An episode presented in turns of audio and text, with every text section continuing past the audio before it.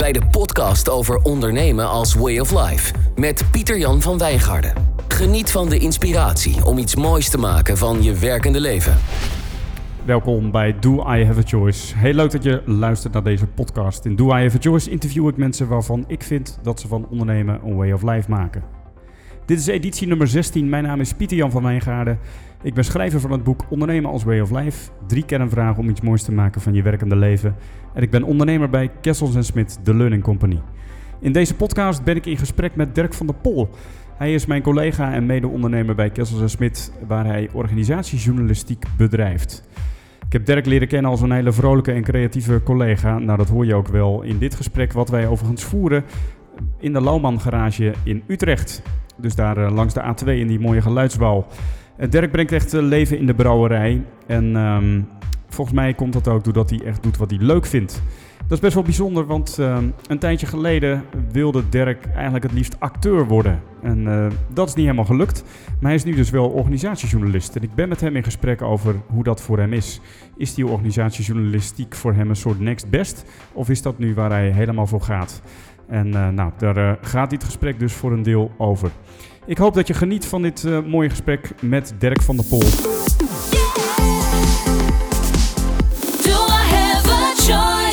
Zo Dirk, superleuk ja. om hier bij jou in de garage te zitten. Bij mij in de garage? Een mooie plek, nou niet bij jou, maar in ieder geval met jou in de garage. Ja. Um, uh, jij bent organisatiejournalist, tenminste zo noem je jezelf. Ja. En we gaan eens een gesprek voeren over jouw uh, ondernemerschap en jouw leermomenten daarin.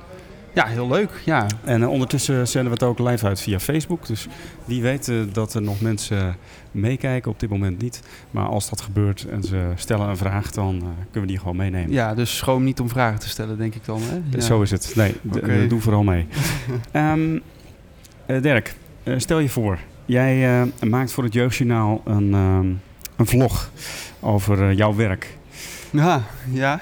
Hoe stel je jezelf voor en uh, wat gaan we daarin zien?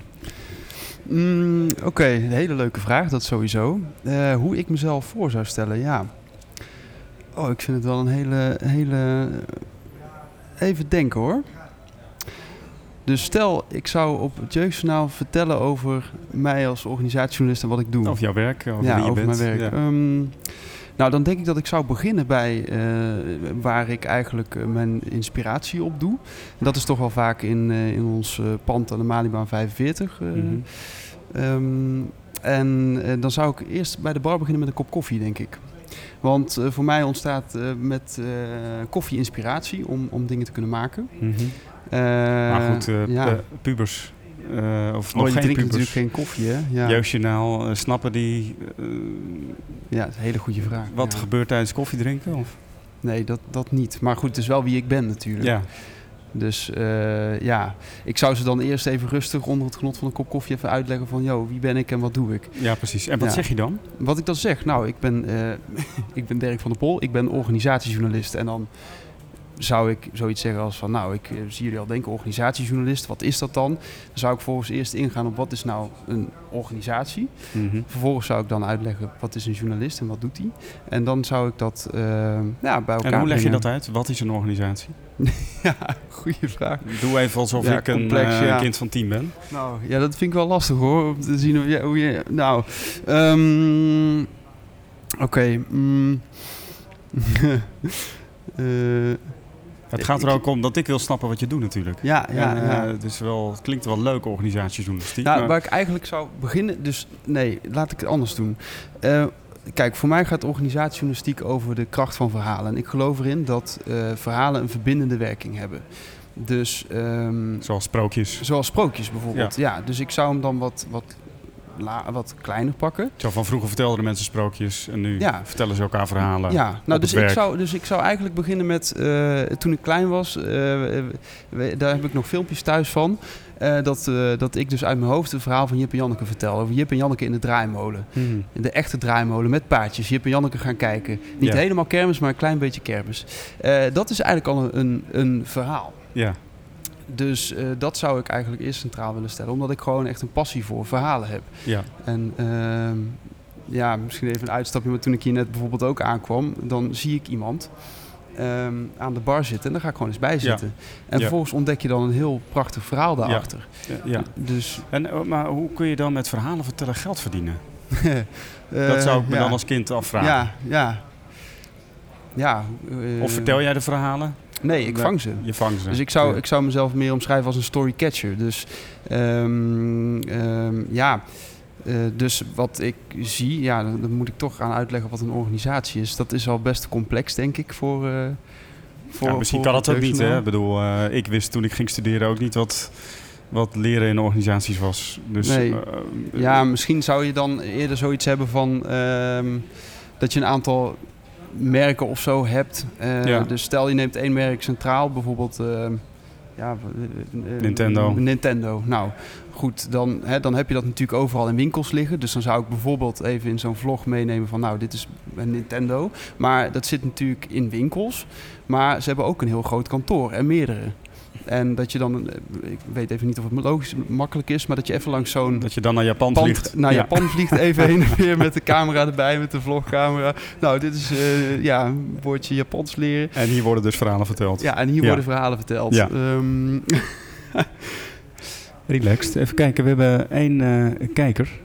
Oké, nou, Christian. Hey, eh, Christian. heeft een, eh, een duimpje gegeven. Hartstikke leuk dat je kijkt. Eh, het is een soort experiment om een podcast op te nemen en ook even uit te zenden. Als je vragen hebt, hoor ik het wel. Dan ehm, kunnen we die stellen aan Dirk, de organisatie journalist. ja, Maar goed, dan maar even voor de grote mensen. Wat is een organisatiejournalist en hoe verdien jij je geld? ja. Ehm, dus een organisatiejournalist is voor mij iemand die eh, met een onbevangen blik eigenlijk een organisatie induikt. Dus eh, er is een vraagstuk binnen een organisatie.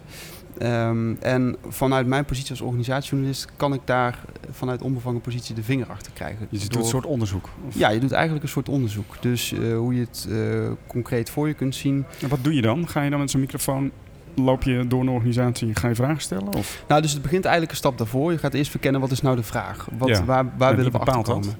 De opdrachtgever. Mhm. En dat, eh, dat kan een team zijn of eh, dat, dat hangt er een beetje Ja. vanaf. En eh, soms ben En ik geef ook- eens een voorbeeld van wat soort, voor soort vragen kom je dan tegen? Ehm, ja, een voorbeeld is, ik zit ook gelijk even. Nou, dus wat ik wel een mooi voorbeeld vond was eh, een, eh, dat, dat was een, een vorig jaar was dat. Eh, toen waren we bij een, was bij een zorginstelling en die ging samen met een andere zorginstelling om daar een soort expertisecentrum te bouwen. Ja. Nou, dus je hebt te maken met eigenlijk twee zorginstellingen Ja. die samen één filosofie willen bouwen. Ja. Ehm, en dat houdt dus eigenlijk in dat je eerst van eh, de ene kant van de, ehm, van de zorginstelling moet begrijpen van hè, hoe kijken zij naar zorg en hoe zien zij die expertise voor zich. Ja. Maar ook aan de andere kant van Ja. hoe zien zij dat voor zich. ja. En wat zijn dan vragen en thema's die spelen. Ja. Dus wat, dus wat ik daar bijvoorbeeld heel... Dus je gaat dan naar beide kanten, je interviewt mensen van beide kanten ja. en vervolgens breng je dat bij elkaar? Ja, ja, inderdaad. Dus wat, wat wel een belangrijk begrip voor mij is, is het begrip dubbelperspectief. Mhm. En dat gaat er voor mij over dat een, verhaal altijd meerdere kanten heeft. Hmm. Ehm, en dat vind ik in dat voorbeeld wel heel mooi, om, omdat wat. ehm, ehm, omdat je dus echt letterlijk twee verschillende ja, culturen bij elkaar brengt. Ja. Ehm, en, ehm, en daarin vind ik dat verhalen heel krachtig kunnen werken. Dus Ja. wat we toen, of wat ik toen gedaan heb, is we hebben mensen geïnterviewd eh, aan de hand van een soort sfeerbeelden. Mhm. En nou echt hun uitgenodigd om eens te dromen van Mhm. hoe zou je dan willen dat het eruit ziet? Mhm. En hoe ziet het er dan uit? En waar zie je voorbeelden in waar dat lukt? Eh, dus dat je echt op die manier gaat verkennen met iemand eh, hoe die zich dat voor zich Voorstelt, ja. Dus dat heb En je al die allerlei- beelden breng je bij elkaar dan? Ja, ja. ja. Oké, cool. ja. Ja. Is dat een beetje duidelijk zo? Ja, nou, we hebben aan dit project samen gewerkt, want Ja. eh, wij zijn eh, collega's bij uh, Kessels en Smit. Jij werkt daar als organisatiejournalist en ik als eh, ontwerper, adviseur of, of nog iets anders. Ehm, dus, eh, maar, dus ik weet het natuurlijk wel een beetje, maar waar ik eigenlijk met name benieuwd naar ben, Dirk, en daar gaan we wat mij betreft de komende uren over praten, is eh, jij wilde acteur worden ja, ja. en je bent nu organisatiejournalist. Ja. Eh, dus je had een droom Ja. en je hebt nu een andere droom. Ja. En ik ben wel benieuwd hoe dat zit. Want uh, dat gebeurt natuurlijk... Ja, je bent niet de enige. Als Nee. kind droom je om de ruimte in te gaan of om voetballer te worden. Op een gegeven Ja. moment eh, verandert dat. Ja. En hoe werkt dat als dromen veranderen? Ja. En hoe kun je daarmee ondernemen? Ik heb jou gevraagd om drie eh, leermomenten... eh, zeg maar, voor jezelf op te sporen, te bepalen. Momenten van de waarheid die hebben gemaakt dat je eh, ja, nu organisatiejournalist bent. Dus ehm, ik ben eigenlijk wel... ja, volgens mij gaan we die drie momenten gewoon even aflopen. Want dat zijn volgens Ja. mij hele mooie momenten ook. En ik kan vanzelf ook op, eh, op dit thema. Dus Ja. op het thema van eh, hoe kan het nou dat dromen veranderen of zich verder ontwikkelen. ja, zeker. Ja, nee, hartstikke leuk. Ja. Oh. Ehm, het eerste moment ging, eh, speelde zich af in Burkina Faso. Ja. Vertel eens. Ja, dat is, ehm, eh, ja, dat is eigenlijk wel, als ik kijk naar het, het leven wat ik tot nu toe heb, is dat wel eigenlijk de grootste, de, de grootste uitdaging die ik toen op dat moment gewoon aanging. Mhm. Eh, ik, van nature ben ik best wel iemand die eh, ja, bang is, Mhm. zeg maar, om dingen aan te gaan. Maar ik heb altijd wel geleerd om ze aan te gaan. maar En wat, ook- vertel eens over, wat was nou het moment in Burkina Faso dat zo belangrijk was voor jou? En wat deed je daar überhaupt? En wat is het voor land? Oké, oké. Ja, eh, dus waar, waar wil je beginnen? Bij wat Burkina Faso voor land is? Of, ja, begin maar eh, even. Eh, het ligt Ehm, ergens in Afrika. Ja, het ligt Ja. in West-Afrika. Het grenst aan een aantal landen daar, bijvoorbeeld Ivoorkust. En Burkina Faso wordt ook wel het land van de integere mensen genoemd. Ehm, en eh, nou, wat voor mij daarin sowieso was, het was echt een hele eh, challenge om daar naartoe te gaan. Mhm, Ehm, dus ik, wilde, ik, ik studeerde theater, film en televisiewetenschap. mhm. En vanuit ehm, die studie had ik ehm, het idee van ik wil iets geks doen. Ik bedoel, op een gegeven moment dan ben je de Nederlandse context, ja, je, je, je weet, weet het allemaal wel, weet je. Ja. En ik had echt de behoefte om eens uit mijn comfortzone te gaan, om nou echt eens iets te doen wat je niet zo vanzelfsprekend zou doen. Nee. En ehm, nou, via mijn moeder kwam ik toen in contact met, eh, met Leni. Ja. En zij woont en werkt in Burkina Faso. Ehm, en eh, daar kon ik toen verblijven. Dus via haar heb ik eigenlijk geregeld om bij de nationale televisie van Burkina Faso eh, stage te kunnen lopen. En je had iets met televisie of zo? Of je wilde daar iets mee? Nou, het was eigenlijk voortgekomen uit, ik wilde acteur worden inderdaad, zoals Ja. je al zei. Ik heb eh toneelschoolaudities gedaan, heel veel. En, Ja, want eh, wij zijn samen naar Hamlet geweest. Ja, ja. En eh, toen vertelde jij dat je een van die fragmenten van Hamlet eh, ooit hebt gedaan. Bij de toneelschool Maastricht. Nee, in Amsterdam was Amsterdam. dat. Ja, ja, ja, ja. Ja, Ja, maar toen ben je het niet geworden. Nee, ja, dit, dus in principe kwam de eerste ronde door met die monoloog, Ja. inderdaad. Eh, ja, dat begon al met, oh, kon dit al te onreine vlees maar wegsmelten, ontdooien en zichzelf oplossen in waterdamp. Had de heer zelfmoord maar niet verboden. Ja, dat zijn toch best wel heftige teksten. Ja, inderdaad. En daar, dat lukte me toen wel om daar eh, eh, de, de jury zeg maar, van te overtuigen in de eerste ronde, waar toch Ja. drie kwart afvalt. Ja. Eh, maar ja, je hebt dan nog een aantal rondes en zoveel mensen die ook die ambitie hebben om acteur te worden. Ja. En ja, en ik was, ik, was daar, ik was er wel echt op blind gestaard van ik word acteur. Ja. Dat had ik wel echt. Ja. En op een gegeven moment toen ja, kom je op een punt van, oh oké, ik misschien moet ik ook andere opties overwegen. En dat had Ja. ik nooit echt gedaan, tot Nee. aan dat moment. Wat is dat dan next best? Eh, Dus- ja, je gaat via een omweg, wil je het nog een keer proberen. Dus Ja. ik heb, eh, ben theater, film en televisiewetenschappen gaan studeren. Ja. En toen kwam je in Burkina Faso. Toen dacht je, nu ben ik toch bij de nationale tv. Ja, dat is, sla je wel een paar stappen over Ja. stiekem. Maar eh, ja, long story short, ja, zoiets wel, ja. Nou, ehm, dus wat daar nog wel... Ja, ik wil een Dus, aantal. Ik wil denk ik te veel tegelijk. Maar laten we gewoon even nee, dat moment in Burkina Faso. Eh, je, hebt, je kwam dan via je moeder terecht, eh, terecht bij de nationale televisie. Wat ging je daar doen? Ja, ik ging stage lopen als regisseur bij de Nationale Televisie. En Mhm. ehm, eh, ja, dus hoe dat precies in zijn werk ging, dat wist ik ook niet. Maar ik had wel zoiets van, nou, ehm, ja, dat lijkt me wel het meest uitdagend van al die eh, dingen die er zijn. Dus Ja. ja, licht en, en camera doen, ja, dat, dat, dat, nee, dat had ik niet zo. Nee. Maar, ehm, en ik weet nog dat ik daar zat en ik zat daar met eh, ja, Pascal Tiombiano heette hij, eh, de, de directeur van de Nationale Televisie. En ik kwam ik zo binnen. Je had er zo'n zo'n deur met van die eh, ja, leren, rode le- lederen drukknopen met echt zo'n plaatje met erop eh, president, directeur nationaal de la télé Burkina Faso, Ja. weet je wel. Ja, en ik kwam daar, ik kwam helemaal niet uit mijn Franse woorden. Een hele, nou ja, flinke man ook, zeg maar. En ik was er wel een beetje door geïmponeerd. Het was Ja. een beetje zo'n James Bond-achtige setting, weet oh, je wel. Ja, ja, En dat hij ook echt zei van ja wat, wat, ja, wat wil je hier eigenlijk leren? ja. En dat ik ja, dus ja, ik, net, ik was net al helemaal in shock van een- zo'n andere ja, manier van leven wat je om je heen ziet. Ja. En dan iemand die ook de vraag stelt, wat wil je leren? Ja, ik wist het antwoord gewoon niet eigenlijk. Nee, nee. Nee, we, we- ja, eigenlijk weet ik Nee. niet. Ja, Maar je noemt dat moment wel als een belangrijk leermoment voor je organisatiejournalistieke werk nu. Ja Wa- wat, eh, eh, dus over eigenlijk- welk moment gaat dat? Dat moment gaat eigenlijk over het maken van een documentaire. Ja, dus een eens. stapje verder eh, Mhm. is dat ik toen een documentaire ben gaan maken. eh, omdat ik echt met een concreet product eh, ja, eh, weer terug wilde naar Nederland. Ja. En ehm, eh, dus toen ben ik met Leni gaan nadenken over wat is nou een onderwerp wat ik in korte tijd zou kunnen vertellen in een verhaal. Hmm. En eh, toen kwamen we uit op eh, nou, het thema hersenbeschadiging, kinderen met hersenbeschadiging. Mhm. Waar wat eh, oude denkbeelden zijn, in, zeker in lokale culturen daarover. Hè, dat zijn slangenkinderen of... Mhm. Mhm. nou, ja. en ik heb daar iemand leren kennen, Ibrahim. Ehm, en samen met hem ben ik dat project aangegaan. Dus ik heb dat zelf gefinancierd ook. Ik zag het echt als iets heel moois. Dus ja, filmautorisaties regelen en zo. En eh, teamvergaderingen le- leiden. Dus een lichtman en een cameraman en een geluidsman. En nou ja, dus een heel team bij elkaar sprokkelen. Dat ging allemaal onder jouw leiding. Ja, Ja, dus Ja. echt een productie. ook ja, dat, dat, dat zat er Ja. ook echt bij. Ja. En dan wel met de lokale contacten van goede doelen ook. Dus er was één particulier instituut die. eh, dus we hebben een aantal particuliere instituten Mhm. ge- opgezocht. En Mhm. eentje, eh, ja, eh, die we heel mooi vonden, dat heette Fitima. Mhm. En ehm, eh, ja, die gaven ook echt kinderen.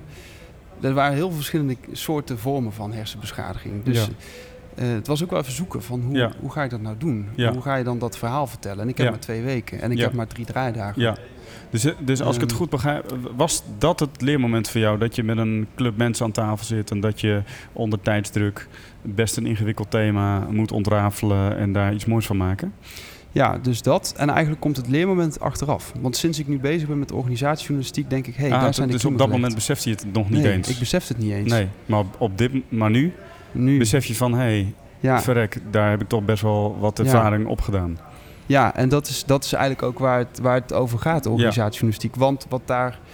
Dus hè, het ging over kinderen met hersenbeschadiging. En ik wilde eigenlijk meerdere, beel, meerdere perspectieven daarop geven. Ja. Dus het was echt een, een, een, ja, een filmpje waar een stap voor stap werd uitgelegd. Nou, wat is het nou, hersenbeschadiging? En eh, hoe kunnen we dat nou definiëren? En, ehm, ehm, en uiteindelijk ook nou, voorbeelden geweest. Dus we hebben ook met eh, één gezin gesproken waarbij het kind helemaal omarmd werd door het gezin. Dat, dat de vader ook letterlijk zei van, nou ja, oh ja, ik zou me echt eh, ge- geen leven zonder hem kunnen voorstellen.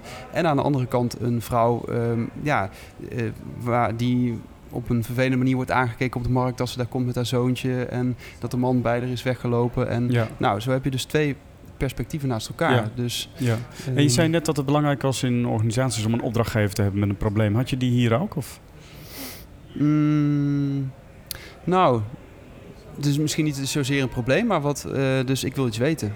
Ja, dus, Ik wil weten dus hoe daarin is, dan is je eigen nieuwsgierigheid leidend. Ja, in dat Ja, geval wel. En als organisatiejournalist is dat niet zo. Eh, ook, zeker ja.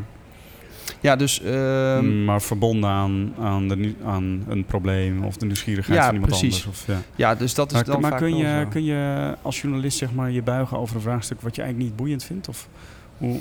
Hmm, ja, eh, dat is moeilijk, want je hebt Ja. toch je eigen nieuwsgierigheid. Ja, Dus uh, zeker ook als het gaat over zo'n vraag, dan wil je wel, eh, dan, dan wil je wel in ieder geval in dat proces ook meedenken van, hé, hey, maar kunnen we die vraag niet eh, iets anders stellen? Of, ja dan zou ga je buigen eigenlijk eh, Ja. naar je eigen nieuwsgierigheid. Ja. Ja. Ja. Maar ja, en wat ik daarin ook wel heel tof vind, is om het dan, het gaat uiteindelijk om de mensen die je, die je spreekt. Ja. En daar ben ik altijd nieuwsgierig naar. Ja. Want eigenlijk het leukste vind ik om te weten waarom iemand zit waar die zit. Ja. En waar, waar is dat? Dus eigenlijk is jouw vak organisatiejournalistiek maar gewoon een alibi om zoveel mogelijk mensen te spreken. Nou ja, zo En- zou je het kunnen noemen. en ja. te vragen over, Ja. eh, en het gesprek te hebben over waarom zit je hier en waarom doe je wat je doet. Ja, dat vind ik het leukste. Daar dan ook geld mee verdienen. Ja. Hey, maar wat me nog wel fascineert is, ehm, dus je, je wilde ooit acteur worden. Ja. En, ehm, en wil je dat nog steeds niet? Ehm, ja. Wil ik dat... Ja, kijk, ergens is Dus het... je, het- nou ja, wat ik, eh, je gaat helemaal als een dolle voor die organisatiejournalistiek. Hè? Dat zie ik jou ook doen. Ja. Eh, dat vind ik ontzettend inspirerend en Hm. eh, dat maakt een heleboel dingen los. En ik vraag me soms ook wel eens af van ja, is dit, is het niet een doekje voor het bloeden? Had jij niet gewoon Hm. liever in Carré willen staan? Ja, misschien diep van binnen wel. Ja. Ja, ja en hoe ga je daar dan mee om? Eh, is dit dan minder leuk of is het next best? Of, Nee, ik zie het ook zeker niet als next best. Nee. Nee. ik zie het echt... Kijk, dus ik heb vanaf dat moment dat ik besefte van... Oké, er zit een kans in dat ik gewoon geen acteur word. Eh, maar dat betekent niet dat ik nooit moet acteren. Dus ik bedoel... ehm, ja, Shakespeare schreef niet voor niks All the World's a Stage. Nee, Ja. maar... eh, dus... eh, en eh, vanaf dat moment heb ik het altijd wel zo beschouwd... eigenlijk als eh, het leven als een pad met heel veel zijpaden. En dat Ja. je ook gewoon jezelf moet blijven uitdagen... en stappen moet durven zetten en maar Ja. gewoon doen. ja. En, en ik ben er dan heilig van overtuigd dat je, als je nieuwsgierig blijft, open bent en op zoek gaat naar mensen en in contact komt, dat het je heel veel mooie dingen oplevert. En ja, weet je, ik heb ook wel eens gedacht van nou, misschien is datgene wat ik teweeg moet brengen op de wereld, misschien bestaat dat nog niet. Nee. En, Dus je, ehm, je blijft zoeken wat dat betreft. eh. ja, ik blijf ja. zoeken. Volgens mij moet je het altijd blijven Ja. doen. Hey, en, ehm, eh, want wa- waarom wilde je zo graag acteur worden? Wat, wat, Mm, ja. Mm, ik weet nog dat ik, ik was eh, tien en toen ging ik met mijn vader naar de filmset van de film Fokbound van Aten de Jong. En ehm, eh, dat was echt voor het eerst dat ik zeg maar, op een filmset was. Eh, en ik, ik, ja, ik, eigenlijk wat ik deed was niet zo heel moeilijk. Ik eh, moest rondhuppelen als een kind in de 18e eeuw op een feest. Maar ik was zo gegrepen door het licht, de camera, de actie, de kostuum. Ik had echt zo'n heel 18e eeuws kostuum aan. En ja, ik heb dat, die passie heb ik ook echt met mijn vader eh, Ja. samen. Dus eh, ik Ja. had al ook altijd, Ja. als ik naar een toneelstuk ga, vind ik van ik zie iemand een vette rol spelen, dan, dan jeukt het altijd wel van, oh, ik zou dat, dat zou toch wel. ja. Ja, Ja, wat gaat het over dingen maken of, of iets, iets dus ik vind het ook. iets voorstellen? Ik vind het mooiste daaraan, eh, ja, je was natuurlijk afgelopen jaar bij eh, toneelgroep De Hete Heren. Ja. Met eh, zelf. eh, Ja, want je doet het nog wel, hè, acteren. Ik doe het nog Ja. zeker, ja. Niet, als, niet, als, eh, niet voor je beroep, maar wel. Nee, precies. Maar ik zie Ja. dat als zo'n mooi middel om een verhaal te vertellen. Ook. Ja. En dat je juist. en nou, dat vond ik wel mooi, want dat zei jij een keer tegen mij. Van Dirk, ik vind je het meest jezelf als je, als je, als je acteert eigenlijk. Of als je in een rol zit. Zoiets zei je. Hè? ja. Dat, ja, dat wel- is ook een quote die ik ooit las in de krant van een acteur. Dus, Nou, ja. Nee, maar Ja. Ik vond het wel interessant, want iedereen zegt dat je moet altijd jezelf zijn. Maar die, die mevrouw die zei van ik ben het meest mezelf als ik iemand anders ben. ja, Of als ik zeg maar op het podium sta. En dus, Ja, maar ik- zij zegt dus acteren is ook helemaal niet iemand anders zijn, maar is verbinding zoeken met iets wat diep in jou. Heel erg een bepaalde emotie of wat dan ook. ja. En, maar, en die dan past bij een bepaalde rol. Maar eh, echt acteren is helemaal niet een rol spelen. nee, Maar dat is juist helemaal jezelf zijn. Ja, dat, dat maakt het kwetsbaar. Ja. Ja, en dat was, eh, dat was ook in, in die rol die ik dan eh, af, afgelopen jaar speelde. Speelde ik een oorlogsveteraan. Ja. eh, die zijn dagen aan het slijten was aan de bar. En ehm, ja, weet je, in zo'n heel repetitieproces, je, je neemt het wel allemaal mee. Dus je gaat ook, hè, die man drinkt veel whisky. Dus dan ging ik ook s'avonds gewoon even stil moment even whisky drinken, weet Ja. je wel. Om daar een beetje in te groeien. Ja. En eigenlijk merk je dan ook eh, dat je daar langzaam echt in te leven in iemand anders. En dat Ja. doe je als organisatiejournalist ook. Ja, doe je Ja. ook. En, maar je zei net wel iets moois van de acteren is voor mij een manier om mijn eigen verhaal te vertellen. En als organisatiejournalist ben je een storycatcher en eh, ja, haal je het verhalen van anderen op. Ja. En maak je er misschien ook je eigen verhaal wel mee, dat weet ik niet. Maar, ja. Ehm, ja, Ja. Ja, en ehm, nou ja, wat ik dus vooral, ik, dus wat ik het mooie daaraan vind, is dat het de ruimte biedt om eh, mensen een podium te geven. Die Ja. ze ook verdienen. Net als in dat voorbeeld waar we het eerder over hadden bij die zorginstelling. Ja. Dan, dan vind ik het echt mooi als je daar de vloer op gaat en dan iemand daar tegenkomt Ja. en die staat te koken. En je gaat een, een magazine maken en je denkt van hé, hey, Ja. het wordt een kerstmagazine. We gaan er een kerstrecept ook bij maken. En, en daar Dus dat is ook weer een beetje improviseren. Hè? Dus Improviseren. de dingen doen die, eh, die net even nodig zijn of die je ziet. Ja. Oké, cool. Is, is het een leuk gesprek zo? Ja, ik vind het heel leuk. Ja? Ja, ja. we moeten wel even een beetje in, in groeien, weet je Esther wel. Peters, ziet er goed uit. Hopelijk doet het geluid voor de podcast het wel, want via deze verbinding hoor ik niets. Oh, nou, leuk dat we in gesprek zijn en niks Ah, horen. Kijk eens aan. Ja, ik heb de verkeerde geluidsbron geselecteerd. Sorry Esther. Het geluid doet het vanaf nu. maar ja, luister gewoon terug, want eh, op de podcast doet hij het zeker. Want eh, daar is hij mooi aan maar het is die dan niet live hoorbaar, dat geluid? Of hoe, dus. eh? Nou, nu wel, maar net niet. Dus Oké. we hebben net een... En als mensen terugluisteren, dan, dan weer wel. Ja, nou ja, niet op Facebook, maar wel op de podcast. Ja. Oh, oké. Maar, nou goed. Dus we hebben zo. 23 minuten zitten kletsen. En, maar Dirk vond dat het een leuk gesprek was. Dus. Ja, ik vond het een leuk Ja. gesprek tot nu maar, toe. en we zijn nog Ja. niet klaar. Want Nee. je hebt verteld over dat moment in Burkina Faso. Ja, Waarin je eigenlijk... eh, eh, ja, je zei eigenlijk van op dat moment was ik er niet eens van bewust. Maar op dit moment zie ik dat ik daar heb geleerd een team bij elkaar halen. En in een, een korte tijd een verhaal neerzetten vanuit een bepaald perspectief. Ja. Ook best wel een kwetsbaar eh, onderwerp. Disabled children. Ehm, zullen we naar het tweede moment gaan? Ja. Want jouw tweede leermoment ehm, ging over de vraag: ben ik wel een journalist? ja. Vertel eens. Ja, ehm, dus op een gegeven moment dan, eh, dan ben je organisatiejournalist. En ik heb me lang de vraag gesteld, ben ik wel een journalist? En ehm, En, eh, vertel eens een moment waarop dat dan speelt. Want dit klinkt meer als een periode. Maar wat is nou een eh, moment dat dat... dat nou, dat- dus zeker in, in, het, in het begin. Dus ik ben hier nu sinds, nou wat is het, juli vorig jaar mee begonnen. Dus niet afgelopen juli, maar de juli daarvoor. Juli, wow. Ehm, en eh, nou ja, wat je dan merkt is eh, gewoon, dan ga je, ja, je, je gaat interviewen, je gaat echt eh, vragen stellen. En dat heb ik mm, ja, tot aan dat, hè, in Burkina niet zo veel Nee, echt maar, gedaan. Maar kun je een moment herinneren dat, dat, dat, je dat, dat je aan tafel zat bij iemand of, en dat je dat heel erg dwars had? Ja. Ja, dus dan moet ik ook weer denken aan die, aan, aan de- bij, bij die zorginstelling. Dat was eigenlijk nou, een van de eerste interviews die ik ging houden. En ik weet nog dat ik daarmee begon. En ehm, dat ja, die, die man begon te vertellen. En nou, werd daarin best wel fel. En eh, ehm, ja, en wat, ik vond het heel moeilijk om daarmee mee om te gaan. Ik had een beetje struggles mee. Dat ik dacht van, oh ja, dus ik voel dan heel veel. En ik heb ook wel de behoefte om dan vragen te stellen. Maar ehm, ik, ik weet niet zo goed waar ik moet Ja, wat, er, wat er toen in je hoofd zich afspeelde was...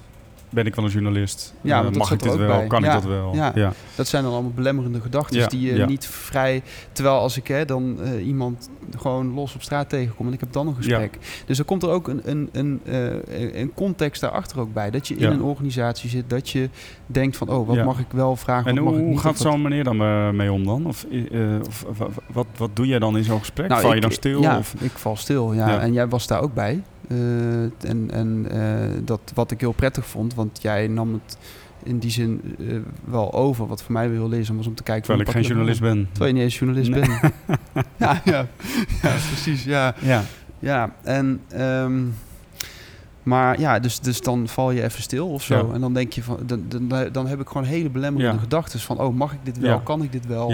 Eh, terwijl eh, eigenlijk in essentie ja, gaat het erom dat je gewoon in dat moment kunt zijn. En, ehm, En je niet bezig hoeft te houden met welke rol je hebt. Of, eh, of juist heel duidelijk hebt vanuit welke rol je vragen stelt. ja. Maar dat in ieder geval niet over hoeft te twijfelen. Nee, want ja, ik heb gewoon één talent. En dat is dat mensen me heel graag dingen vertellen. Ja. En eh, dat, eh, ja, dat merkte ik ook bijvoorbeeld toen ik... ik heb ook een tijdje bij Nespresso gewerkt. Nou, dan had ik een keer een klant bij mij aan de... En dat, aan de, hoe zeg je dat? Aan de, aan de kassa, aan de balie. ja. En ja, je staat dan in een Nespresso-uniform met je stropdas aan en eh, heel netjes. En ja, ik, die vrouw die vroeg of ze de, de lidmaatschap van de ehm, eh, zus op kon zeggen. Nou goed, eh, oké. Ja, en ik vroeg alleen maar van, nou, en, ja, mag ik daar, mag ik vragen waarom? Of, hè, wel, het is natuurlijk prima dat u dat doet, maar ik ben ook wel Ja. nieuwsgierig naar, hè, wat zit erachter? En toen aarzelde ze even en nou, toen ging ze uitgebreid vertellen over haar eh terminaal zieke zus. En dat ging zelfs zo dat ze vertelde van, nou, ik heb thuis nooit leren praten. En voordat ik het wist waren we een half uur in gesprek en hadden we ondertussen een kopje koffie ingeschonken en weet ik veel. En Ja. ja, was ze eh, zeg maar haar levensverhaal aan mij aan het Ja. vertellen. Je bent een beetje een barman eigenlijk. Ja, Ja. ja. Maar Zo met zijn nog- theedoekje achter de bar. eh nou, je zuigt natuurlijk ook verhalen op. Dus dat is op zich wel Ja. eh, logisch. Gebeurde hier ook. Ik bedoel, eh, ik zat op jou te wachten. Jij komt binnen, je krijgt een kop koffie, gaat op de bar staan. hier in, in deze garage. En je hebt meteen, ben je een half uur in gesprek. Ja, Dus eh, ja, dat, dat zegt ook wel dat je echt wel heel nieuwsgierig bent. En, en niet alleen nieuwsgierig in de goede zin van het woord dan. Mhm. Echt geïnteresseerd bent in mensen en daar zoveel plezier uit haalt. ja, Ja. ja.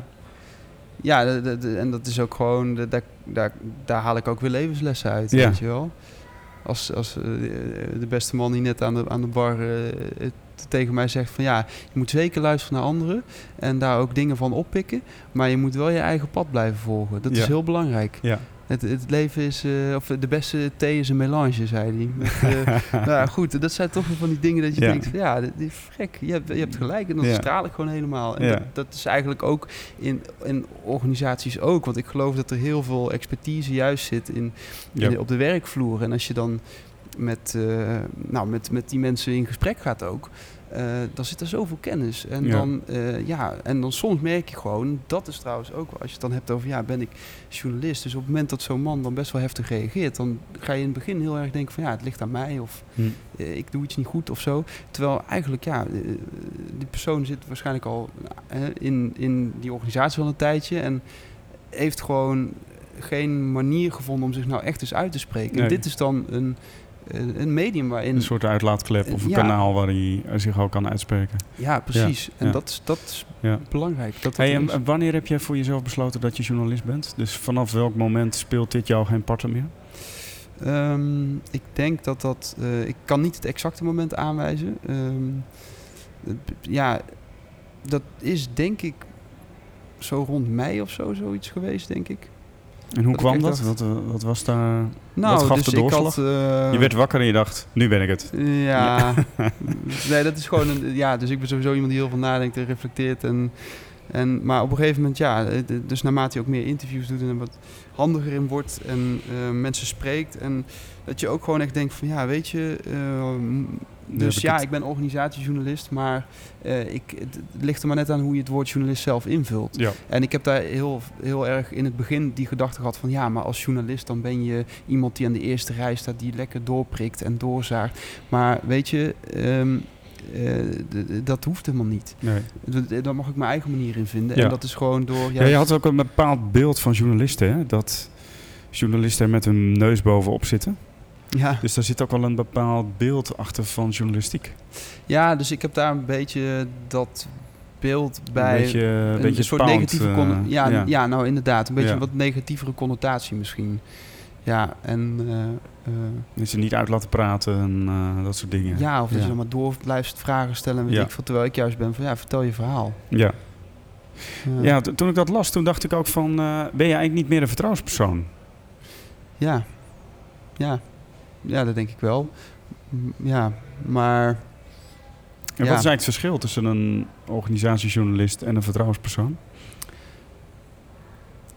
Kijk, ik kan me wel dat voorstellen daar- dat je als vertrouwenspersoon in ieder geval heel integer omgaat met de informatie die je krijgt. Ja, als Ja. journalist ook, denk ik. Maar, want als mensen tegen jou aan gaan staan praten en weet ik het, iets over de baas vertellen of whatever, of de- hun collega's. Ja, dat je bent- je zal best wel wat, eh, eh, wat, wat ethische kwesties ook oproepen, of niet? ja, zeker ja. Ja, dus mensen vertellen je ook graag dingen. Dus dat ja, dus, dus ik vind ja, vertrouwens. Ik denk dat daar eigenlijk voor mij geen verschil in zit. Dus dat klopt. Ehm, en ja, inderdaad. Dus mensen vertellen je inderdaad gevoelige dingen. En eh, eh, daarom is ook wel altijd heel belangrijk, vind ik, dat je ook afspreekt van, nou, wat we ook opschrijven, het gaat, gaat eerst naar jou toe. Ja. En, dat is altijd de eh, afspraak die je maakt. Ja, dat Ja. is echt een kernvoorwaarde voor mij. Ja, Want, je houdt ik- zelf de regie. ja, Ja, ja, dat vind ik heel belangrijk. Ja. Dus ik help eigenlijk iemand zijn of haar verhaal te, verhaal te formuleren. En dat schrijf ik op. Ja. En ja, dat kan ook wel eens betekenen dat iemand achteraf het interview leest en denkt van, hé, hey, maar ja, ik vind het wel heftig hoe dit nu zo zwart op wit staat. ja. En ehm, ja, En dat hij daarmee dan eh, dat die dingen weghaalt? Of ook. Of, waardoor het eh, wellicht ook ten koste gaat van, van de waarheidsvinding? Of? Ja, of dat het er gewoon niet meer erachter staat en wat, wat hij gezegd heeft. Ja, En soms is het ook jammer, want dan denk je dus van hé, hey, het gaat om de, om, de, om de achterliggende vraag. En dit is wel, dit is wel hoe zo iemand zich voelt ja, bij een, bij een vraag. ja. Of bij hoe die ergens tegenaan kijkt. Ja. eigenlijk is het dan, dan, dan, eigenlijk kan ik er ook wel weer balen dat ik denk van hé, hey, joh, dit is, dit is juist het verhaal. ja. Dit hoort hier juist bij. Maar Dit, is het mogen ze Te horen. spannend om dat eh, te uiten. Of, Ja. eh, ja. En dat moet je dan ook respecteren. Ja. ja. Ja. Ja. Ehm, ja.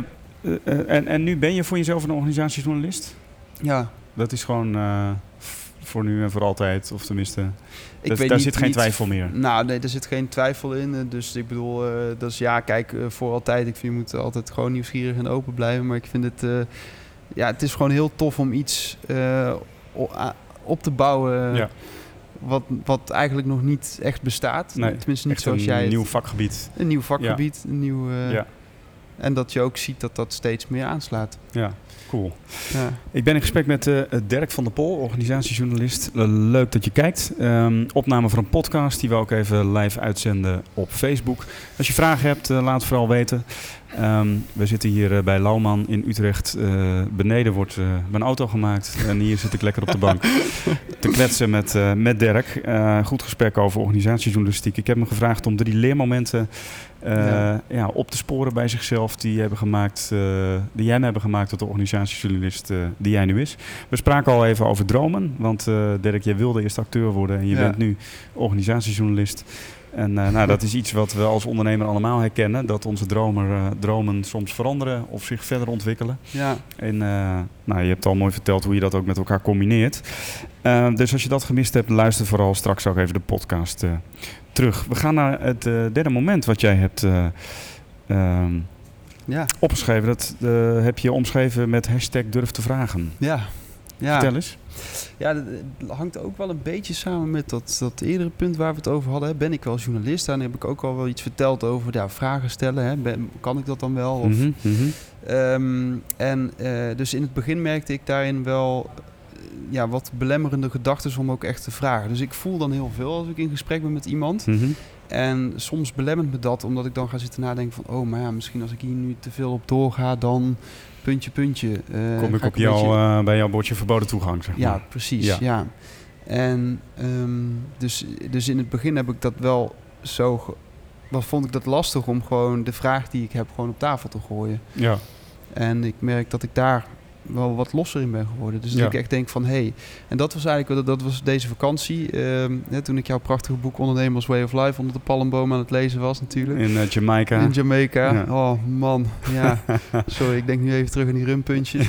Eh, maar ehm, eh, dat ik daar het inzicht kreeg van... hé, hey, oké, wacht even.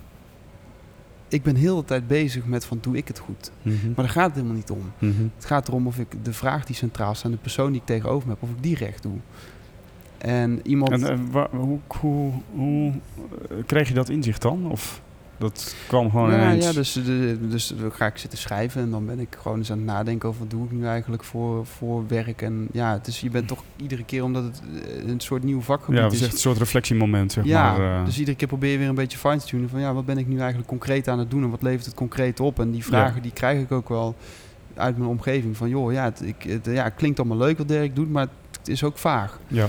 En eh, dus, dus, dus ik blijf wel bezig om iedere keer na te denken van... hé, hey, wat, wat heb ik nu gedaan? Wat levert dit nu op voor inzicht? En nou, tijdens die vakantie was het echt een mooi moment... omdat, eh, omdat je dan even, hè, even terug kunt kijken met een helikopterview van... nou, wat heb ik nu het afgelopen jaar eigenlijk allemaal gedaan? En eh, een van die inzichten was dus van... hé, hey, ik ben heel de tijd bezig met van doe ik het goed? En dat is heel belemmerend, zeker in een interview. Want je bent in gesprek met iemand. Dus op het moment Ja. dat jij uit contact raakt met dit... en dat is ei- eigenlijk ook hetzelfde met acteren... en je gaat naar je hoofd toe, Ja. dan ben je gewoon weg. ja. Als je En gaat nadenken, dan Als je- ja, ben je niet meer op het toneel, zeg maar. Of, nee. nee. Ben je niet meer in contact met Nee. jezelf eigenlijk. Of, ja, ja, En dat is wat, eh, wat in het begin waar ik wel last van had. ja. Dat je dan wel, ja, je hebt je interviewleidraad en zo. En ja, je bent dan heel erg aan het zoeken van hoe ga ik dat afstemmen. En eigenlijk moet je op een gegeven moment Ja. dat in je, een beetje in je hoofd hebben. ja. En ja, durf op die paadjes te komen van als iemand nou iets interessants zegt hierover. ja. Dat je daar dan op doorgaat. En dan denkt van, hé, maar ik wil weten hoe dat zit. En ja, dan wijkt het maar een beetje af van de interviewleidraad. Of ja. die we samen met de opdrachtgever hebben opgesteld. Of weet ik veel. Maar Dus ook het lef hebben om eh, los te laten en gewoon te volgen dat wat interessant is. Ja, en ook vanuit de gedachtegang... Als, als ik echt op iemands zone kom waar ik niet mag komen... eh, dan kan iemand altijd zeggen van... Nee, sorry, maar da- daar wil ik het niet over hebben. Ja. En dat is niet aan mij om dat van tevoren in te vullen. Nee, precies. Dus Dus, eh, je neemt de ander ook serieuzer Ja, door af en toe eens een vraag te stellen die wellicht net over het randje is. ja, Zodat hij zelf kan zeggen van eh, tot hier en niet verder. ja. Ja. Ja, en dat is Ja. het ergste wat eigenlijk kan gebeuren. Ja. Want dat is natuurlijk ook wat je dan als belemmerende gedachten kan hebben van... ja. oh, dadelijk pakt hij eh, dat glas met water op en dan smijt hij in mijn gezicht of zo. Nou, dat is wel een hele extreme gedachte ja, natuurlijk. Maar En wat is dan eh, wat is een vraag die je nu eh, eigenlijk misschien niet zou durven stellen? aan jou, Ja, in dit gesprek. oh, in dit gesprek. Ehm, Die op het randje is. ja. Die op het randje is. Mm, ja, ga ik toch naar mijn hoofd, hè? Zie je dat? Ja. Grappig, hè?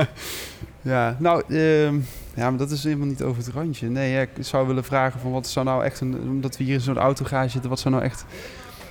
Wat zou nou echt jouw droomauto zijn? Maar goed, dat, dat vind ik een beetje een saaie vraag, weet je wel. Dus, eh Nou, mijn droomauto die staat hier niet. Dat is de nieuwe Volvo XC90. oké. Een mooie auto, ja. Dat heeft ook met mijn gezin te maken natuurlijk. Want ik heb een, eh, ik heb een eh, auto nodig waar zes personen in kunnen. Maar eh, die nieuwe Volvo die vind ik wel echt heel mooi. En nou, ik rijd nu Lexus natuurlijk. Dat is ook prachtig. Er staan hier echt een, hele, een paar echt hele mooie Ja, nou, Lexussen. En ja, verder is alles wat hier staat zijn snoepjes natuurlijk. Dus, zeker. maar ja. ik, ik heb mijn zin eigenlijk wel gezet op die nieuwe Volvo. De nieuwe Volvo, Ja. ja. Ik, ik moet heel eerlijk zeggen dat ik mijn, mijn blauwe Seat Leon hier netjes aan de overkant heb geparkeerd. Ik durfde het niet aan om die, eh, om de, om die Johnny-bak eh, zo eh, hè, hier in de Lauwman garage te zetten. Maar goed. Ehm, nou ja, ik ben eigenlijk ook wel, wel benieuwd van waar, als we toch, we hebben het eigenlijk over dromen. Van Mhm. wat is nou eigenlijk jouw ultieme ondernemersdroom nog? Je bent, ja, Nog. nog. Ja, je hebt zo, ja, je bent, ik ken jou als leven. nog. Ja. Nee, maar, nee, maar wat, wat, wat zou jij nog... Wat zou jij nu... Stel, stel oké, dat is wel leuk. Want ik zat natuurlijk net aan de bar met een, een wat oudere man. Hij zit er niet meer, gelukkig. Maar nee. Eh, stel, ik zou jou op die leeftijd... daar aan die bar zien zitten. En ik zou met je in gesprek gaan. Hoe zou je dan terugkijken? Hij zei trouwens heel mooi van... Het voordeel van ouder worden is dat je mooi terug kunt kijken. Dat je mooi terug kunt kijken, ja. Ja. ja. Hoe zou je dan terugkijken op je ondernemersdroom? Wat is daarvan uitgekomen? Ehm, ja, in het klein dat ik vooral met de mensen heb gewerkt die ik, waar ik echt veel plezier mee heb. En ehm, ik, heb, ik heb zeg maar in het... Dus ik kan ook al een beetje terugkijken op mijn 37ste. Dat maakt denk ik deze leeftijd heel leuk. Je kan een beetje terugkijken en ook nog flink vooruitkijken. Ik heb, ook, ik heb echt wel fouten gemaakt. En dingen te lang laten hangen soms. Met bepaalde ondernemingen of initiatieven. Kijk, nou kom ik dus op een vraag dat ik denk van... kun je daar eens een voorbeeld van geven, van zo'n fout? Nou ja, ik heb, ik heb ooit, dat schrijf ik ook over in mijn boek, ik heb ooit een eh, app ontwikkeld. En eh, ik zat, wij geloofden er zo in dat dat het zou worden. Terwijl we op geen enkele manier met ons publiek zeg maar, in contact waren. Ja. En eh, ja, dat heeft ons uiteindelijk echt een hoop geld gekost. En we zijn maar, bleef maar doorgaan, bleef maar doorgaan, bleef maar doorgaan. En vorig jaar las ik een heel interessant boek, eh, Necessary Endings. Je moet soms ook gewoon dingen afsluiten. En eh, de, die man die vergelijkt zeg maar, het leven met, het, eh, met, het, met het, de bloei van een, van een wijntak of van een wijnrank. En die moet je af en toe snoeien. En eh, oh ja, zo- ja. eh, ja, dat betekent dus dat je dingen moet afsluiten zodat andere, zodat de, de vruchten die potentie hebben, zeg maar, echt eh, ruim baan hebben. En als ik terugkijk, dan denk ik wel van daar had ik, eh, had ik eerder mee moeten stoppen. En ergens wist ik dat ook wel. Of je gaat dan door tegen beter weten in eigenlijk. Hmm. Ook, eh, Maar waarom doe je dat dan? Hoe komt dat? ja, omdat e- enerzijds omdat ik toch wel echt geloofde in het idee. Anderzijds omdat ik gewoon wilde dat het zou slagen. Ja, en dat is nog best lastig, want alleen iets willen is niet voldoende. Dus tenminste, dat denk ik. Je moet het ook Hmm. afstemmen op, op behoeften van anderen. En, maar als ik hier zou zitten dan, ehm, en ik ben eh, 50 jaar ouder of zo. Eh, Nog even daarvoor. Heb je, het- heb je het wel ook echt kunnen afsluiten, dat moment voor jezelf? Ja, ik geloof het wel. Eh, op, eh, ik, sterker nog, ik, er- ergens denk ik ook wel van... ik hoop dat ik nog wel meer van dat soort momenten kan delen. Ja? Want we hebben het wel gedaan. We zijn er wel in gesprongen. Het was wel echt een experiment. Dus dat is ook wel weer vet. En eh, nou, dit vind ik dus ook echt super cool. Dat we gewoon hier in de garage een gesprek Ja. zitten te voeren... en te kijken dat podcasten wordt. Hm. Eh, Dus dat, dat, dat, dat zijn, zijn in het klein wel dingen waar ik, waar ik echt wel enthousiast over ben. Ik ben met development centers ben ik een nieuwe app aan het bouwen. Dat vind ik ook echt super leuk. Dus ik ben wel, ik, ik hoop wel ooit nog eens wat producten te ontwikkelen. Gewoon dingen, zoals een boek en een, Nou, een portal of een Apple of een, een app of een, wat dan ook. Ja. En eh, ik zou het wel leuk vinden als daar iets, iets tussen komt wat ook echt een beetje... eh, wat echt een succes is. Kijk, mijn boek is leuk en dat eh, wo- wordt goed gelezen. Heel veel mensen beleven er heel veel plezier aan. Ik ben nog wel aan het zoeken van hoe kan ik het echt groot maken. Oké, en ja, heb je daar ook een idee bij hoe je dat nou, ik had, eh, ik had gezegd ik wil in oktober 10.000 boeken verkocht hebben. Dat gaat me niet lukken. Dus, eh, maar goed, ik geef de moed niet op natuurlijk. Eh, Dat boek ligt er nu. Het is hartstikke mooi. En eh, iedereen die het leest is super enthousiast. Dus Ja. we gaan er nog wel even de boel mee op. Ja, dat zou ik zeker doen, ja. Dus ja, dat soort dingen. Verder, ben, ik ben ondernemer bij Kessels en Smit natuurlijk. Dat is ooit begonnen door Jozef en Cora. En op, ik merk ook wel dit jaar of deze periode, ik vraag me ook, ik vraag me ook wel af van, goh, eh, welke wending moeten we maken met Kessels en Smit? Moeten we een wending maken? Hoe, ik vind het echt een super vet, vet bedrijf. eh, waar ik met heel veel plezier ben en eh, met, met, met collega's optrek, leuk, leuk werk doe. En soms wil ik heel groot worden. En dan, aan de andere kant dan doe ik gewoon een heel leuk project. En denk, waarom moeten we wel groot worden? Dit is toch Ja. eigenlijk gewoon heel tof. Dus ik, heb daar niet één, ik heb niet één droom. Maar, Nee, maar heel veel, veel. plezier hebben, met veel mensen gewoon leuke dingen doen. Eh, af en toe door de McDrive. eh, eh, hier zitten om een podcast op te nemen. Reis maken naar het buitenland. met collega's in het kader van werk. Dat is, vind ik wel echt super tof. Ja, en, en is het dan ook iets wat... wa- ehm, Dus waar, wat ik me dan zo voor kan stellen. Dus enerzijds wil je juist dat, dat grote, maar ook zit het ook in kleine dingen. Heb je dan ook niet ergens... Het klinkt voor mij ook wel een beetje onrustig soms of zo. Ja, continue onrust. Ja, Ja. ja. Is dat ook een, een soort drijfveer van je? Ja, ik hoorde laatst een Vlaamse eh, psycholoog of zo die eh, noemde het verschil tussen eh, onrust en rusteloosheid. Oké. Hij zegt rusteloosheid is eigenlijk iets wat, als je dat blijvend hebt, dan leidt het tot problemen. Maar onrust is eigenlijk een vuurtje wat, wat je ook gaande houdt. En dat vond ik heel mooi. dus Hm. dat vond ik een heel mooi. Dus ik denk dat ik ergens wel rust heb. Eh, gewoon in het leven of de, de, in de dingen die ik doe. Maar, eh, maar ook wel een onrust. En eh, ik hoop, ik gun mezelf dat dat nog lang blijft. Niet omdat het niet goed genoeg is of omdat ik niet goed genoeg ben, maar wel omdat het eigenlijk wat jij net zei, ook continu zoeken naar Hm. ja, dat ding wat op een gegeven moment op je pad komt. Of er is al zoveel op mijn pad gekomen. Ik was eh, twintig en toen nam ik mijn eerste cd op met mijn band eh, destijds Tante Julia. Ik weet nog dat ik naar huis fietste eh, toen van de universiteit en dacht met de cd in mijn tas en dacht van ik heb mijn, mijn levensdroom is vervuld. Ik kan van de brug afspringen bij wijze van spreken. Nou, fijn dat je dat niet Ja. gedaan hebt dan. Hè? oh, kon dit al te onreine vlees maar wegsmelten? Nee, maar refereer het aan Hamlet. Maar ehm, ja, ja, wat tof. Maar dat vind ik wel een, een heel belangrijk... Want ik, dat vind ik wel mooi, omdat je ook zegt van... ja, waar moet het altijd zo groot of zo? En dat is ook wel een beetje wat ik... Wat ik mezelf ook wel zou gunnen is eh, gewoon, eh, ja, hou het klein, dan wordt het vanzelf Ja, maar dat is toch een vraag die ik jou zou willen stellen. Ja. Want ja, als organisatiejournalist, jij komt veel in bedrijven, zorginstellingen, scholen. Eh, wat zie jij daar? Wat, wat dus, zeg maar, als je daar een beetje boven gaat hangen, wat... nou, ik ben nou ook organisatieadviseur. Ja. eh, ben wel benieuwd hoe jij daarnaar kijkt en wat, zeg maar, wat, wat dan de cultuur is die je tegenkomt, of de trend, of de tijdsgeest. Daar had je het net nog over. Wat, wat is, hoe, hoe zou je dat omschrijven? Mm, ja, dus wat, als ik daar dan, wat voor mij wat als eerste in me opkomt, is wat ik eigenlijk altijd tref, is eh, enorme betrokkenheid.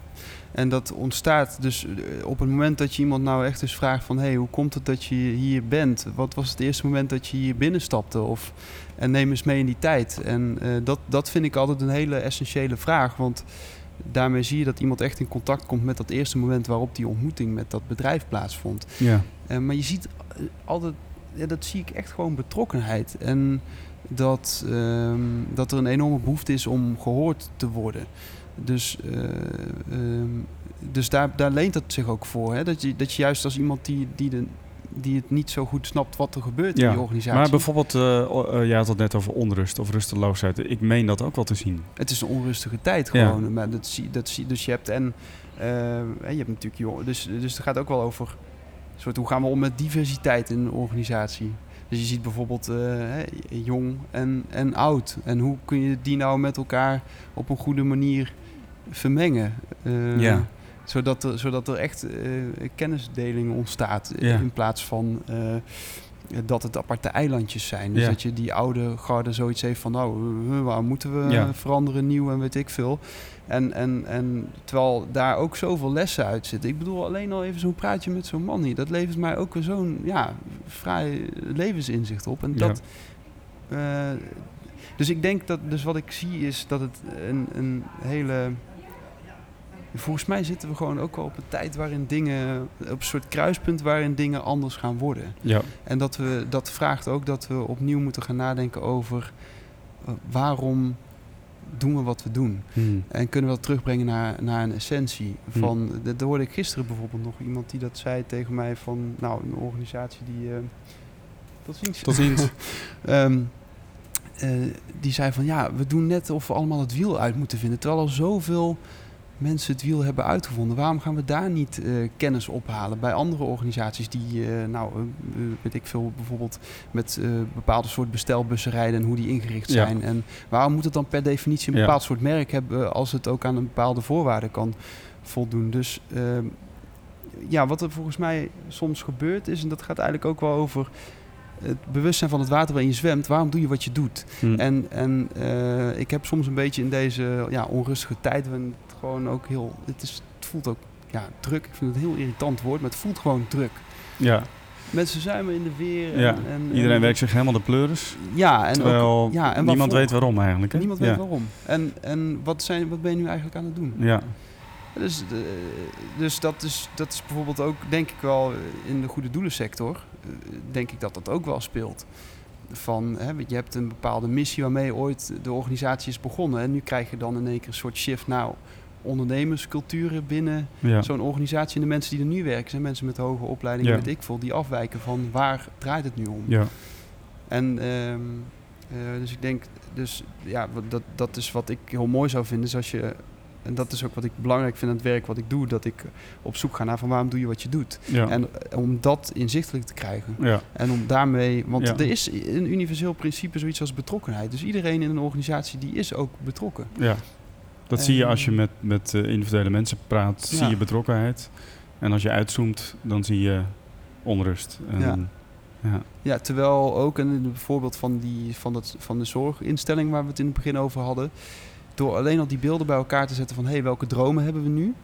En dat gewoon letterlijk zo met, met, met het plaatje en de tekst die iemand daarbij heeft te benoemen. Hm. Hoe mooi is het dan als mensen elkaar opzoeken? Die zeggen van Hm. hé, hey, je had dat plaatje erbij en eigenlijk heb ik ook diezelfde droom Hm. ontdek ik. Alleen Je ik brengt mensen met elkaar in gesprek eigenlijk. Ja. Eh, ja. Ja, dus, dus ik zie dus echt organisatiejournalistiek als een soort eh vehikel om het gesprek verder op gang te brengen. Ja. En ehm, ja, dat door op een andere manier, namelijk door eh, veelal ook samen dingen te maken. Dus het liefst ben ik met een team ook aan de slag. Om, om, om, ja, om, om, een, weet ik, om te werken, om te bouwen aan een magazine of aan een Mm. krant. Of, zodat mensen ook elkaar gaan interviewen. En Mm. dat eh, het mooie daarin is dat je verleid wordt om even van je eigen oordeel af te stappen. Hm. Dus dat je ehm, ja, echt iemand op, nieuwsgierig kunt zijn naar wat iemand nou echt vindt. En daar Mm. ook de ruimte toe geeft. Zonder meteen in te Mm. stappen van hé, hey, maar ho, ik vind dit. ja. En eh, ja, Cool, en zo lever jij dus ook een bijdrage aan eh, ja, onrust, maar misschien is het rusteloosheid eh, in Ja, onze tijd. In, eh, ik ben zelf de ook onrustig hoor. Ja? Ja, wel. Ja. zit hier zo rustig? Ja, ja, ja. ja. Maar ondertussen, hè? Ja. je weet het Nee. goed te verbloemen als acteur. Ja, Ja. weet je wel, hè? ja. Ja, dus dat is wel... ehm, Ja, maar dat is ook inderdaad, ik ben het met je eens hoor. Ik bedoel, het is juist zo mooi. Dat is misschien ook wel... je- Dus je, zoveel impulsen die je kunt volgen, weet je wel. Word Ja. je soms niet gek trouwens van, je hebt nu zo'n Apple Watch. Dertigers dilemma, hè? Ja. Ja, maar dat je, dat je iedere keer constant... eh, Nee, daar had ik het net uh, laatst over met Karin, mijn vrouw. Die heb ik een Apple Watch cadeau gegeven voor de verjaardag. Oh, nou, Eh, en ik, eh, leuk ik, cadeau. ja, ik merk dus dat ehm, eh, eigenlijk het veel rustiger is. Want eh, als je een berichtje krijgt en je pakt je telefoon... Ik weet niet hoe dat bij jou gaat. Maar heel vaak heb ik, als ik mijn telefoon pak... merk ik dat ik iets anders ga doen dan wat ik aanvankelijk wilde doen. Dus op die telefoon Hmm. zit zoveel zooi... Dus dan Ja. zit ik opeens weer op teletext. Of eh, ben ik... ja, Facebook heb ik dan van mijn telefoon af, maar of Instagram of wat dan ook. Terwijl die Apple Watch kan ik zo even snel het berichtje checken. En dan is het ook klaar. En doe ik even een, eh, zo'n duimpje van eh, oké, dan hoef ik niet mijn eh, telefoon erbij Oh, te vandaar dat pakken. ik alle duimpjes voor je Ja, krijg. ik krijg altijd duimpjes, smileys Ja. en... Oké, ja, nee, ja, maar dus, dus ehm, ik weet niet, het is, maar dat is ook als maar ik dat is natuurlijk, ja, impulsen, zeker weten. Ja. Ja. maar dat is wel ook als ik nog even teruggrijp naar Burkina, wat ik als eerste, ik weet nog dat ik daar zat op een gegeven moment aan, aan een meertje en ik was ook onder andere met Leni. En eh, dat ik daar echt, eh, nou, ik zag daar een jongetje en die was aan het vissen met zijn vader en het was zo, zo eenvoudig. Wat, en de, ja, dus hetzelfde als dat ik met mijn vader naar het theater ga en eh, weet je wel, en daar ja. met elkaar ben. Ja. Zo is dat voor dat zoontje met die vader Ja. ook. En ehm, dus ja, dat ik ook denk, nou zit ik hier met mijn Ray-Ban zonnebril en mijn telefoon en mijn iPod en mijn, nou echt, eh, dat ik echt ook zo zat dat Leni op een gegeven moment me aankeek en zei van, yo, eh, ga, gaat hij wel goed? Ja, nee, ja, ik, ik weet niet. Ik was echt in de war van Ja. daarvan. Dus het, eh, die mooie momenten hoeven niet veel meer dan te, te zijn dan gewoon vissen, Ja. een wandeling maken. Ja, dus ik merk Of- ook dat ik ja. da- dat ook daar ben ik echt heel dankbaar voor. Voor die tijd. Namelijk dat ik ook echt uit kleine dingen heel veel eh, Ja. plezier kan halen. Dat als ik een gekke situatie op straat zie of zo. Ja. Van eh, een man die op een aparte manier fietst of zo. Dat ik me daar echt over kan verwonderen. Ja, En, en volgens mij is dat ook waar je zeker als het gaat om moet het allemaal zo groot. Nee, begin klein. Kijk gewoon ook goed om je heen. En dat vraagt ook, ja.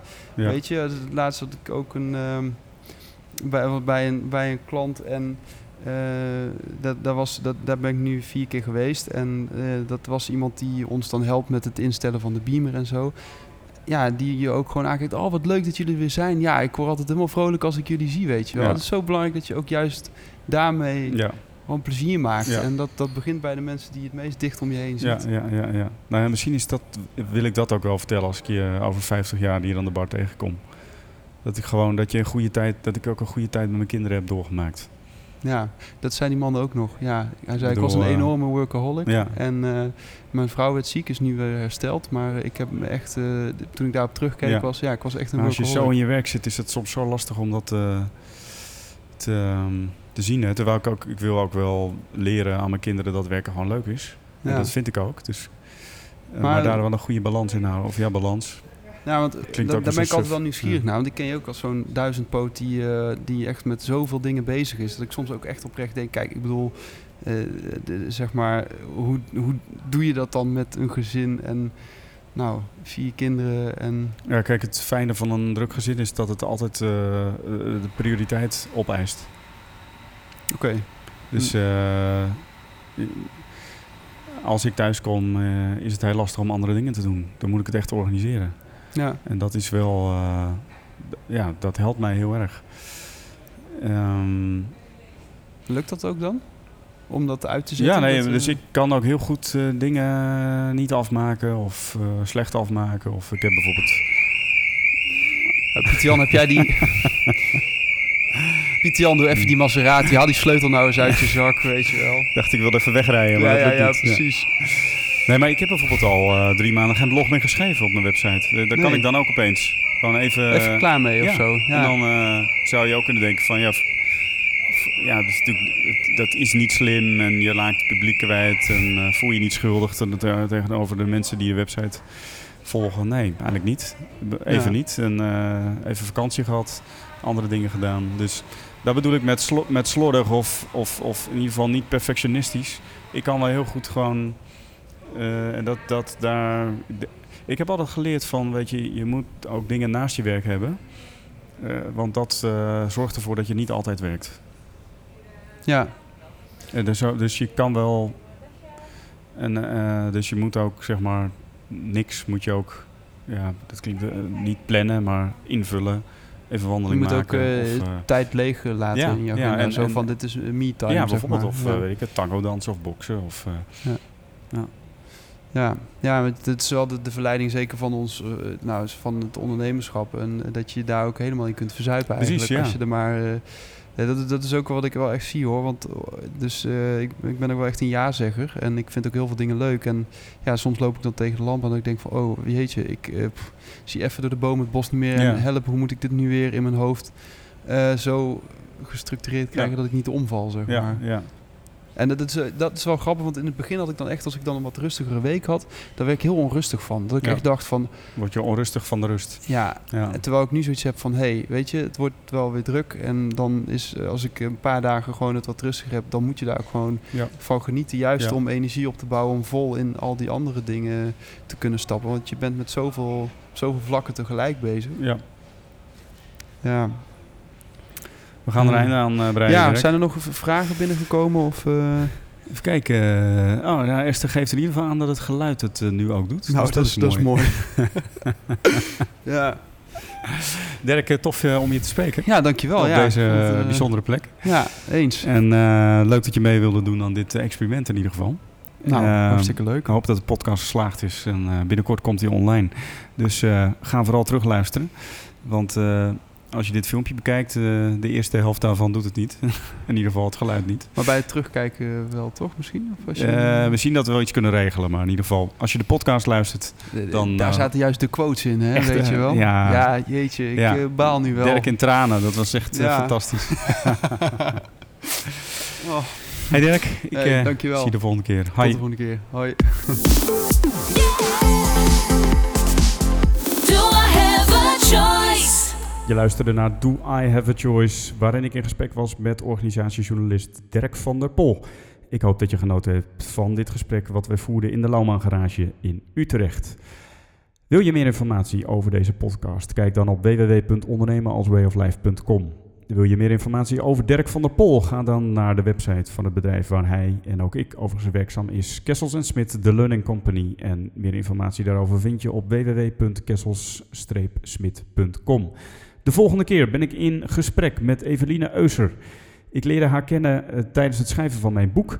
Eh Eveline zat in de pool die ook met mij eh, meelas en feedback gaf op mijn manuscript. En we raakten in gesprek over het belang van reflectie en ook de manier waarop je dat doet. Eveline is trainer, adviseur in de GZ-sector en ze is eigenlijk een eh, heel nieuw vakgebied aan het ontwikkelen. Hoe je dat doet en hoe zij ook ehm, voor zichzelf ruimte maakt voor reflectie, dat hoor je in de volgende editie van Do I Have a Choice?